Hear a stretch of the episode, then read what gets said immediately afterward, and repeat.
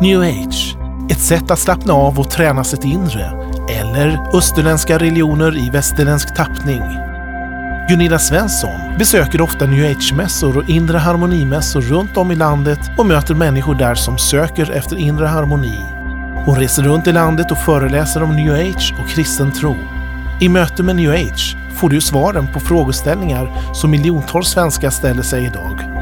Hur uppnår man inre frid? Och eh, välkomna till ännu ett avsnitt av eh, Möte med New Age. Eh, programmet där vi tar upp olika nyandliga fenomen och sätter det i det kristna trons ljus. Eh, och vi vederlägga mycket av det som finns som moderna fenomen idag inom det som under samlingsnamnet New Age. Yoga, eh, tro på, på helande stenar eller tro på eh, de döda andarna pratar till oss också etc. etc. Eh, Idag sänder vi från, inte från en studio utan från, eh, vad, vad sa du Stephanie? Mahalo! Mahalo. Mahalo, café på Södermalm. Och det är ett sånt där café som tror jag- Trendigt. Eh, Exakt, ja. Trendigt café som är bara vegankost. Eh, och förutom då Stephanie som vi har här idag, som återkommande gäst. Välkommen Stephanie. Tack. Så har vi Gunilla Svensson förstås. Yes. Välkommen. Eh, och själv heter jag Göran Reijerstam. I, Stephanie, du har ju varit med eh, tidigare i två avsnitt här och vi har talat om, eh, du berättade din livshistoria egentligen, eller hur? Eh, hur som, eh, gjorde, vad som gjorde och att du kom in i den nyandliga världen. Ja, precis. Eh, och bärande i din historia där var till stor del det du fick uppleva eh, tidigt i din ungdom förstod jag. Att Mm. det som eh, återspeglas i programserier som Det Okända eller hem, Hemsökta hus som går på UBC och på kanal 7 i Sverige. Eh, nämligen kontakter med, där man upplever som eh, osaliga andar som, som rör sig i, i den egna hemmiljön. Eh, berätta. Ja, jag ska se nu hur det började. Men jag tror så här, eh, när jag växte upp, jag tror alla barn kanske kände så. Att man är mörkrädd. Men jag var väldigt mörkrädd som liten. Eh, och sen kom ju den, men alla sa ju så här, nej men det där finns inte, det där är bara påhitt och sådär. Men jag gick ändå och liksom fruktade den där dagen hela min, min uppväxt. Och sen kom den dagen och, och det var så chockerande att den dagen kom. För då kommer jag ihåg att, jag tror att det var dagen innan jag fyllde 15. Så, um, så, ja, men så låg jag och sov och så väcktes jag i mitt hus, eller mitt familjehem, av att hela undervåningen möblerades om. Och vi hade liksom vi hade så himla tunga möbler. Vi hade mycket så här rokoko, barockmöbler, gamla möbler som är nästan så här, det är väldigt svårt att flytta på de här möblerna. Så jag vaknade upp eh, Alltså att jag hörde varenda möbel kastas omkring på nedervåningen. Alltså det var nästan som att någon lyfte hela huset och allting åkte åt en sida. Så först tänkte jag så här, drömmer jag? Du vet när man sätter sig upp först. Så jag bara liksom försökte så här, nej det här är på riktigt alltså. Och då flög jag liksom upp ur sängen ner på golvet och så började jag springa, så sprang jag in till mina föräldrar och bara skrek. Eh, och då trodde vi att det var inbrott. Jag trodde ju att det var inbrott. Eh, och ehm, då sprang min pappa ner, alltså de bara flög upp ur sängen. Eh, för det är som att min pappa alltid ligger på helspänn och liksom ska skydda familjen. Så han bara flyger upp som att han hade väntat på att något skulle hända och så går han ner på ö- undervåningen med en ficklampa och då är ingen, ingenting har ändrat sig på nedervåningen. Alltså allting är precis som det var innan. Du, det var egentligen en upplevelse av en eh, hallucination eller? Ja men det blev ju som att jag själv hade hittat på det. Men det var ju så högt ljud att jag till och med vaknade så det var ju som att några byggnadsarbetare skulle vara liksom inne i huset. Men eh, upplevde du själv som att det här var en mardröm eller, Nej. eller att det var verkligt, det var en var fysisk verklighet? Jag var helt övertygad om att det här var spöken. Alltså det var liksom, jag visste ingenting om spöken men man, jag fattade direkt att det var, här var någonting obehagligt. Och det här fortsatte sen va, som du berättade om i tidigare avsnitt här, det fortsatte under flera år, den här hemsökelsen så att säga. Alltså jag försökte tänka då så här, nej men nu kanske jag, jag inbillade mig det där. Och sen hann det väl inte gå mer än några, några dagar. Eh, och på den här tiden så hade jag en pojkvän, det var ju mitt gamla liv så att säga. Eh, och, eh, så jag bad honom att han var tvungen att sova där och somna innan mig. Så att jag inte, så att liksom jag skulle ha någon, nej jag skulle somna först och sen fick han somna då. Eh, och då bara liksom, precis när jag somnat in så känner jag liksom att han skakar om mig. Så då vaknar jag upp och vi bara båda tittar på varandra och vi hör det här ljudet igen. Alltså även han hör ljudet? Ja, även han hör ljudet. Exakt. Så, så jag, det, alltså det är som att det är en reflex i min kropp som bara gör att jag flyger iväg. Jag vet inte hur man ska förklara det men alltså det, är, det är som en här flyktinstinkt. Så jag bara flyger in igen i mina föräldrars sovrum och bara tänder lampan och vrålar. Och dina, och, de, och dina föräldrar, de upplever aldrig det här som du upplevde? Mm, alltså, nej, inte min pappa i alla fall. Jag tror att mamma upplevde det men hon ville liksom inte erkänna det här. Hon ville låtsas som att det inte fanns. Så, och det hände bara när jag var själv. Så det kunde även hända på dagtid också. Så då kunde det hända, det kunde hända i alla rum, alltså det kunde välta ner saker. Jag kommer ihåg någon gång så satt jag på undervåningen och då hörde jag så här kastrullock ramla ner över hela golvet och de började rulla. Du vet som när, när någonting, ett lock rullar, då ja. hör man det här ljudet. Det här låter liksom ofattbart, det låter som taget ur en Walt Disney-film liksom. Ja. Men det var påtagligt för dig? Ja, och jag bara, då tänkte jag den gången när jag hörde de här kastrullocken då tänkte jag nu ska jag springa upp och ta det här på bar gärning och se vad det är. Så, när jag, så jag bara kutar upp och så bara kollar jag. Då ingenting ligger på golvet. Jag tror att det är jättevanligt. Jag jobbar i skolans värld och jag jobbar på högstadiet och där mycket bland högstadieeleverna att de sover inte på nätterna, de ser saker, de hör saker och de sitter med sina spel och saker och ting kommer in i deras värld och spöken, de pratar om det här så jag tror att det är mer Anden vanligt. i flaskan existerar verkligen och, och mycket mer än så. Ja, ja, ja. Det, det, är många som håller på och experimenterar och laborerar med anden i glaset så att det, det vet vi. Och svarta madame är ganska typiskt också. På mellanstadiet har vi haft det. Man Vad försöker, är det för någonting? Man försöker se en, en kvinnas ögon i spegeln på toaletten. Man stänger in sig och så eh, ber man eller liksom försöker framkalla svarta madame i, i spegeln där. Och när man, man ska blunda då under en viss tid och sen när man öppnar sina ögon så ser man två ögon i spegeln. Och det har varit skrik och det har varit grejer. Vi har tagit det här med mellanstadieeleverna och vi har pratat med högstadieeleverna om det här. Det här är väldigt vanligt på skolor. Så det är, och det är mycket okulta barnprogram på TV. Vilket gör att barn lätt öppnar upp sig för det här. Man läser sådana sagoböcker hemma utan kanske att förklara och ta för givet att barn tycker det är roligt att bli lite skrämda.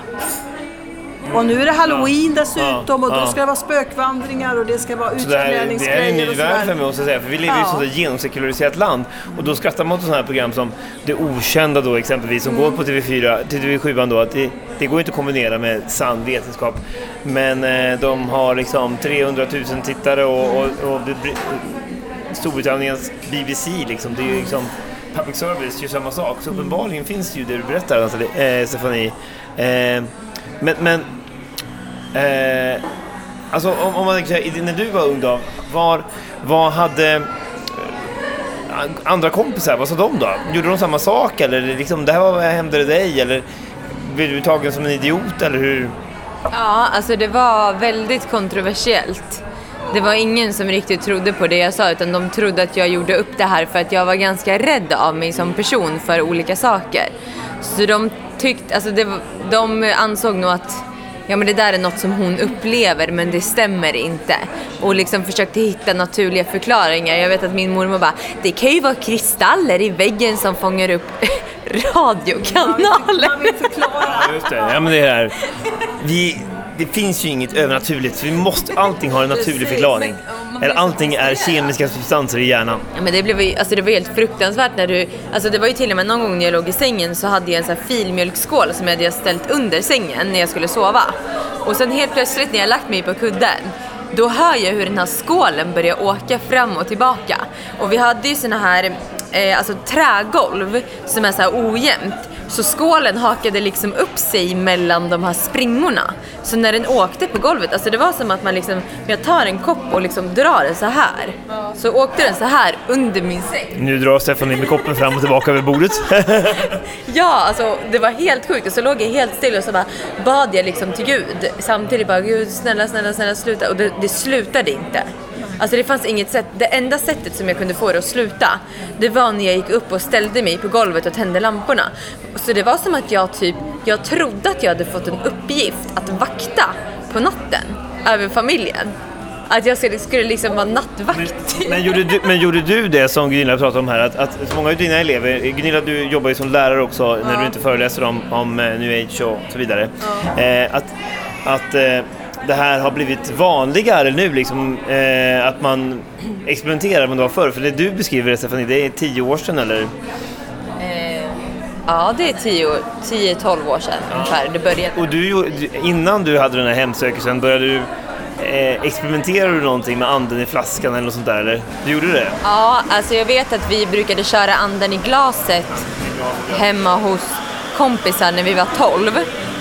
Eh, och sen brukade vi också i skolan göra något som heter Svarta Madame. Det här som... Eh, ja, ni gjorde det som du berättade. Ja. Eh, och då såg vi ju, det hände ju flera gånger saker inne på toaletten så vi liksom sprang ut. Jag vet att mitt hår någon gång åkte upp rakt i luften, alltså på så här jättekonstigt sätt. Alltså det var lite övernaturliga upplevelser med de här wow. två grejerna. Um, så det här är ju vedertaget som finns liksom. Är det, snackar vi Södermalm där vi sitter just nu eller snackar vi generellt bland, jag, bland elever i många olika skolor? Stefan, ni får komma tillbaka och återberätta kring de här grejerna sen. Men jag vet att när jag var och klippte mig för ett tag sedan så var det ju faktiskt en kvinna som sa att det är så märkligt med min son sa han. Han kommer att lägga sig mellan mig och min man varje natt och han är 18 år. Oj, så han lägger han sig mellan er i sängen. Ja, för han gör anden i glaset och varje natt så väcks han av obehagligheter och han ser helt förskrämd ut så han får ligga mellan oss för han är så rädd. Jag sa det här är ju inte bra, det är ju andemakter. Jag vet ingenting om det där sa hon, så då kom vi in i en diskussion där. Så jag tror att det är mer vanligt än vad vi tror, att man laborerar precis som Stefanie sa här. Och det här är andemakter, det är farliga grejer. Ja, men då kommer vi in på det. Vad, vad talar vi om då? Men då helt plötsligt talar vi om att ja, men man kan konstatera att det kanske inte är bara humbug det som de visar på de checka eh, kommersiella tv-kanalerna som, som eh, kanal 7 och så vidare. Eh, men eh, då är det väl bra då, för vi kristna vi tror ju också på det övernaturliga. Eh, eller hur? Eh, Men som kristen så ska man ju inte kliva utanför Guds beskydd. När du är frälst, då håller du dig till Jesus. Då håller man ju inte på och laborerar med andlighet och andar. Vilket en del kristna gör och tycker är spännande. Men om man, om man säger så här då, vad, hur, hur ser den kristna tron på att tala med dem? Alltså att, de, vad, är, att vad det här är för någonting överhuvudtaget? Är det, är det liksom eh, djävulens demoner eller är det liksom de döda som kommer tillbaka från himlen eller från dödsriket och, och hemsöker oss? Eller vad är det här för någonting? Jag tror att det här är demoner. Många, alltså när man är ute och predikar och undervisar om det här med nyandlighet så är det ju flera som kommer fram och säger ja, jag pratade med min morfar för något år sedan och vi har haft hemsökelse i huset och det här är ju inget annat än demoner, brukar jag säga. Ja, jag har förstått att det inte är morfar eller några som har sagt det och förstått det liksom att det här är otäcka saker. Så morfar kommer ju inte tillbaka utan det är demoner som har levt i årtusenden och kommer tillbaka. Och då menar vi ju egentligen att det, det som Bibeln undervisar, den kristna tron undervisar om, det är ju att livet är ju en dragkamp mellan gott och ont och allt som är övernaturligt är inte gott, eller hur? Mm. Eh, och demoner är ju egentligen eh, den mörka sidans hantlangare. Mm. Eller om ska förklara på vanligt sätt. Eller varför, annars skulle man inte bli skrämd. Den som får uppleva Jesus, i alla fall de människor som jag känner och som jag själv innebär, man blir inte skrämd av att uppleva Gud. Eh, eller att uppleva en ängel, men här blir man ju skrämd. Eller vad, har du någon gång haft någon någon behaglig känsla av de här upplevelserna, Stefanie? Nej, alltså jag, var, jag, blev, jag mådde så dåligt under den här tiden och det var särskilt under ett år på gymnasiet som det här eskalerade. Och då kunde jag, alltså det, min sömn blev ju väldigt störd av det här. För så fort alla hade gått och lagt sig då visste jag att nu kommer den här, det var ju nästan som en liten show. Alltså det var ju nästan som en sån här spökhus på ett eh, nöjes, i en nöjespark. Att nu, nu börjar liksom nattpasset här. Eh, så jag var ju uppe, jag, jag, tror att jag var uppe fram till klockan sex på morgonen. Jag, ja, och sov i en timme. Och sen gick jag till skolan och var helt förstörd. Eh, och sen så var det så, efter ett tag så var det, gick ju inte det. Så då började jag sova inne hos mina föräldrar och då var jag 17 år. Så då sov jag inne samma, hos... Samma fenomen där alltså? Ja men exakt. Så då... Mm, och, och, min enda tanke var ju att jag ville flytta ut ifrån det här huset så fort som möjligt. Alltså det var verkligen ångestfyllt. Sen nu i efterhand då kanske man skrattar åt det men då var det liksom mitt enda fokus var hur jag skulle hålla mig borta från hemmet, att vara själv hemma.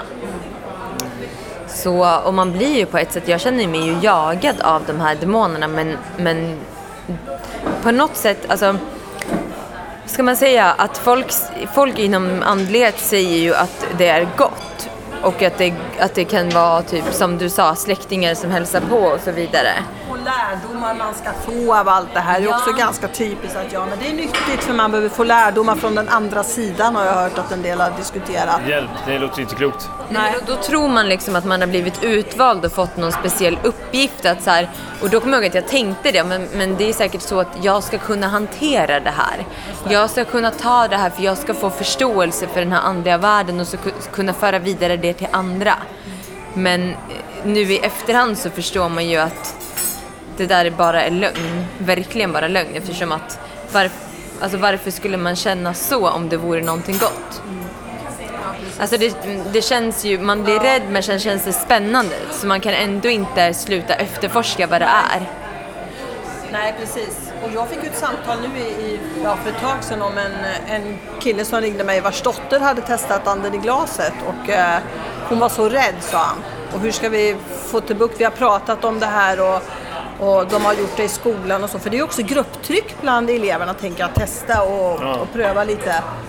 Så vi samtalade om det här så att eh, jag åkte hem dit och vi bad för den här dotterns lilla rum och talade ut Jesu blod och bad om förlåtelse för det som hade gjort, det som hade gjorts. De var ju en kristen familj då, så att det var ju lätt att prata om Jesus där. Ja, just det.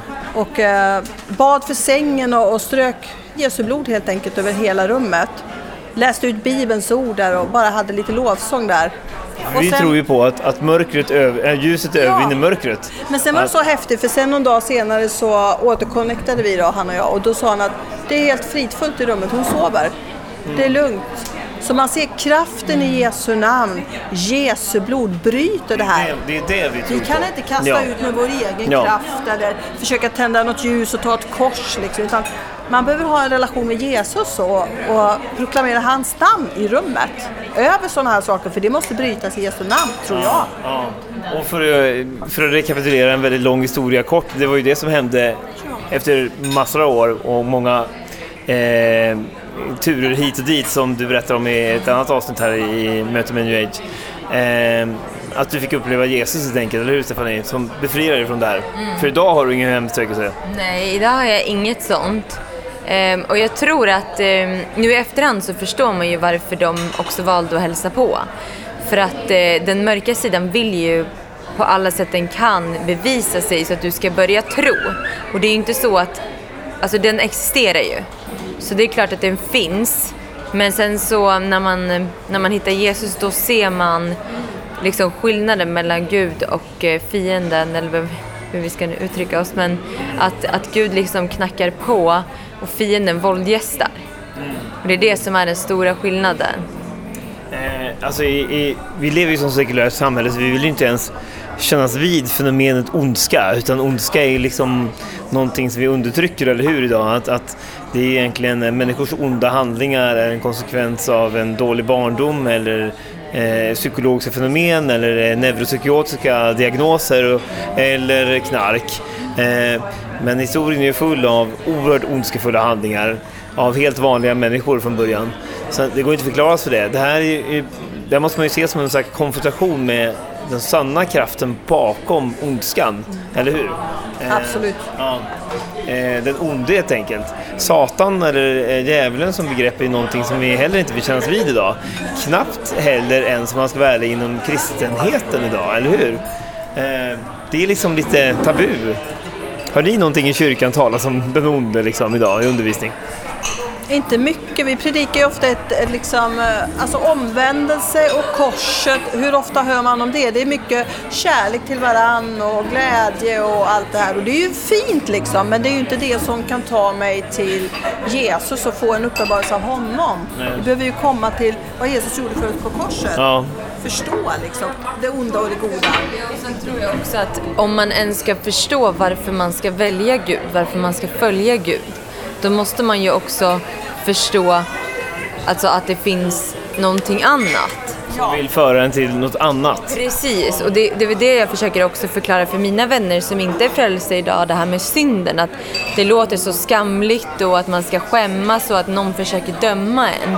Men egentligen så handlar det ju om att det finns en sida som vill få dig att göra saker som tar dig till, till um, Alltså som får dig att leva ett dåligt, negativt liv helt enkelt. Just det. Just det. Och det är inte så konstigt varför alla ungdomar idag mår dåligt, har depression, har ångest, går till tera- terapeuter. För att de lever inte på den vägen som, som skapar goda konsekvenser i ens liv. Så jag tror att man måste koppla mycket mer av det kristna livet till den andliga verkligheten för att kunna förstå sambandet och varför de olika konsekvenserna skapas. Just det. Just det. Och inom det nyandliga så försöker man alltid hitta att allt är gott. Man ska försöka hitta det goda i allting. Även om det är ont så måste du lära dig att se det goda i det här. För då kommer du så småningom att bli en Kristus brukar man prata om. Everyone is Jesus sjunger ju någon av de här sångarna. Thomas Di Leva tror jag. Ja. Ja. Så att hitta hela tiden det goda även i det onda. Allt är ont och allt är gott liksom. Det är ju det vanligaste det människor säger då. Att de tror på kärleken liksom. Ja. Man tror inte på Gud, jag tror inte på onde. Jag tror bara på kärleken. Och, och då ska vi alla bli bra på något sätt till slut. Men det här visar ju på att det är, det är skarpladdat verkligen. Eh, och, och begreppet djävul och helvete, det det tillhör inte någonting som om. den moderna världen vill tala om. Eh, Och det beror ju på att vi har ju heller inte upplevt den genuina ondskan som världshistorien och 1900-talet, alltså sista århundradet, är totalt fullt av. Eh, för, och därför kan vi inte tro att den genuina ondskan finns, eller hur? Och om man erkänner mörkret, då blir det plötsligt att då skapas plötsligt ett behov av en räddare. Exakt. Och människan vill ju se sig själv som att allt är bra. Och om jag tänker att allt är bra, då är allt bra. Och jag kan själv med min egen kraft försöka liksom koppla ihop och allt blir bra med mig själv. För att man utgår ifrån sig själv i det här nyandliga också perspektivet. Jag, mig och mitt och mina energier. Jag äter rätt mat, jag tränar rätt, jag liksom fokuserar på rätt saker, jag hämtar rätt energier, jag mediterar på rätt sätt. Så det är ju ja, verkligen, det är verkligen snurrigt. Jag fick ett tips en gång och som vi har testat på andra människor. Alltså det enkla är, det som lyssnar här just nu, som hör det här programmet, som är fast i just det här så mycket som Gunilla och Stephanie beskriver. Eh, alltså att bara testa och be bönen till Gud. Och, och be bönen till Gud. Herre, hjälp mig. Gud, om du finns, hjälp mig, befria mig från det här. Gör det i namnet Jesus. Det finns, en, finns kraft i just det namnet, eller hur? I att Jesus Kristus, alltså Guds son, är bryggan eh, mellan oss och Gud som gör, och som är totalt övervinner mörkret och ondskan och övervinna alla de här hemsökelsesakerna, demonerna och alla de här krafterna, eller hur? Och det, det, det låter ju banalt, det låter väldigt konstigt, men eh, det kan vi enas om här, vi tre, va? det är väl en uppmaning till den lyssnaren att testa detta, som kan verka som en besvärjelse, men det är det inte, utan det är, det är en levande verklighet. För är det någonting som är sant i Bibeln så är det att ljuset övervinner mörkret, eller hur? Ja, jag skulle vilja säga det. Drömmer man mardrömmar och oro på nätterna och känner sig hemsökt och så. Eh, tala ut namnet Jesus. Det finns kraft i namnet Jesus. Det är liv i namnet Jesus. Det är befrielse i det namnet. Och den onde måste böja sig. Med hans namn, säger Bibeln, ska vi nedslå fiendens härskaror. Så det är verkligen, det är fantastiskt. Och sen att få lära känna den personen i det då, Jesus Kristus. Och det är det du har gjort, Stefanie. Ja, och sen tror jag att varför människor tror på till exempel spöken men inte tror på Gud, det är ju för att spökena har bevisat sig för människan. Eh, så därför så tycker jag att man borde använda samma strategi om man säger så här, ja men jag tror inte på Gud. Okej, men varför tror du inte på Gud? Det är för att han in, du inte har blivit överbevisad om det. Och då måste man ju ändå liksom låta honom göra det. Men, men som jag sa innan, att han kommer ju inte våldgässa dig. Utan det handlar ju om att du bjuder in honom att bevisa sig själv. Precis som de här demonerna har bevisat sig och, och därför tror du. Du kan ju inte tro om du inte ger det en chans eller om du inte testar det liksom. Eh, tack så hemskt mycket eh, Gunilla och Stephanie för ännu ett väldigt spännande program. Eh, och följ med oss i våra andra avsnitt. Du går att ladda ner via sverigeskissaradio.se, vår webbsida, eller där poddar finns. Eh, möte med New Age. Eh, det här är, tror jag, avsnitt 6 eller 7 eller 8 i den här säsongen. Jag har dålig koll, men det ser man på nätet. Tack så hemskt mycket och du som lyssnar, Gud välsigne dig. Du har lyssnat på Möte med New Age med Gunilla Svensson. Har du frågor eller funderingar kring det du hört är du välkommen att kontakta oss på info sverigeskristnaradio.se. Du kan också besöka vår hemsida sverigeskristnaradio.se Där kan du ställa frågor och diskutera saker som berör new age och kristen tro direkt med Gunilla Svensson.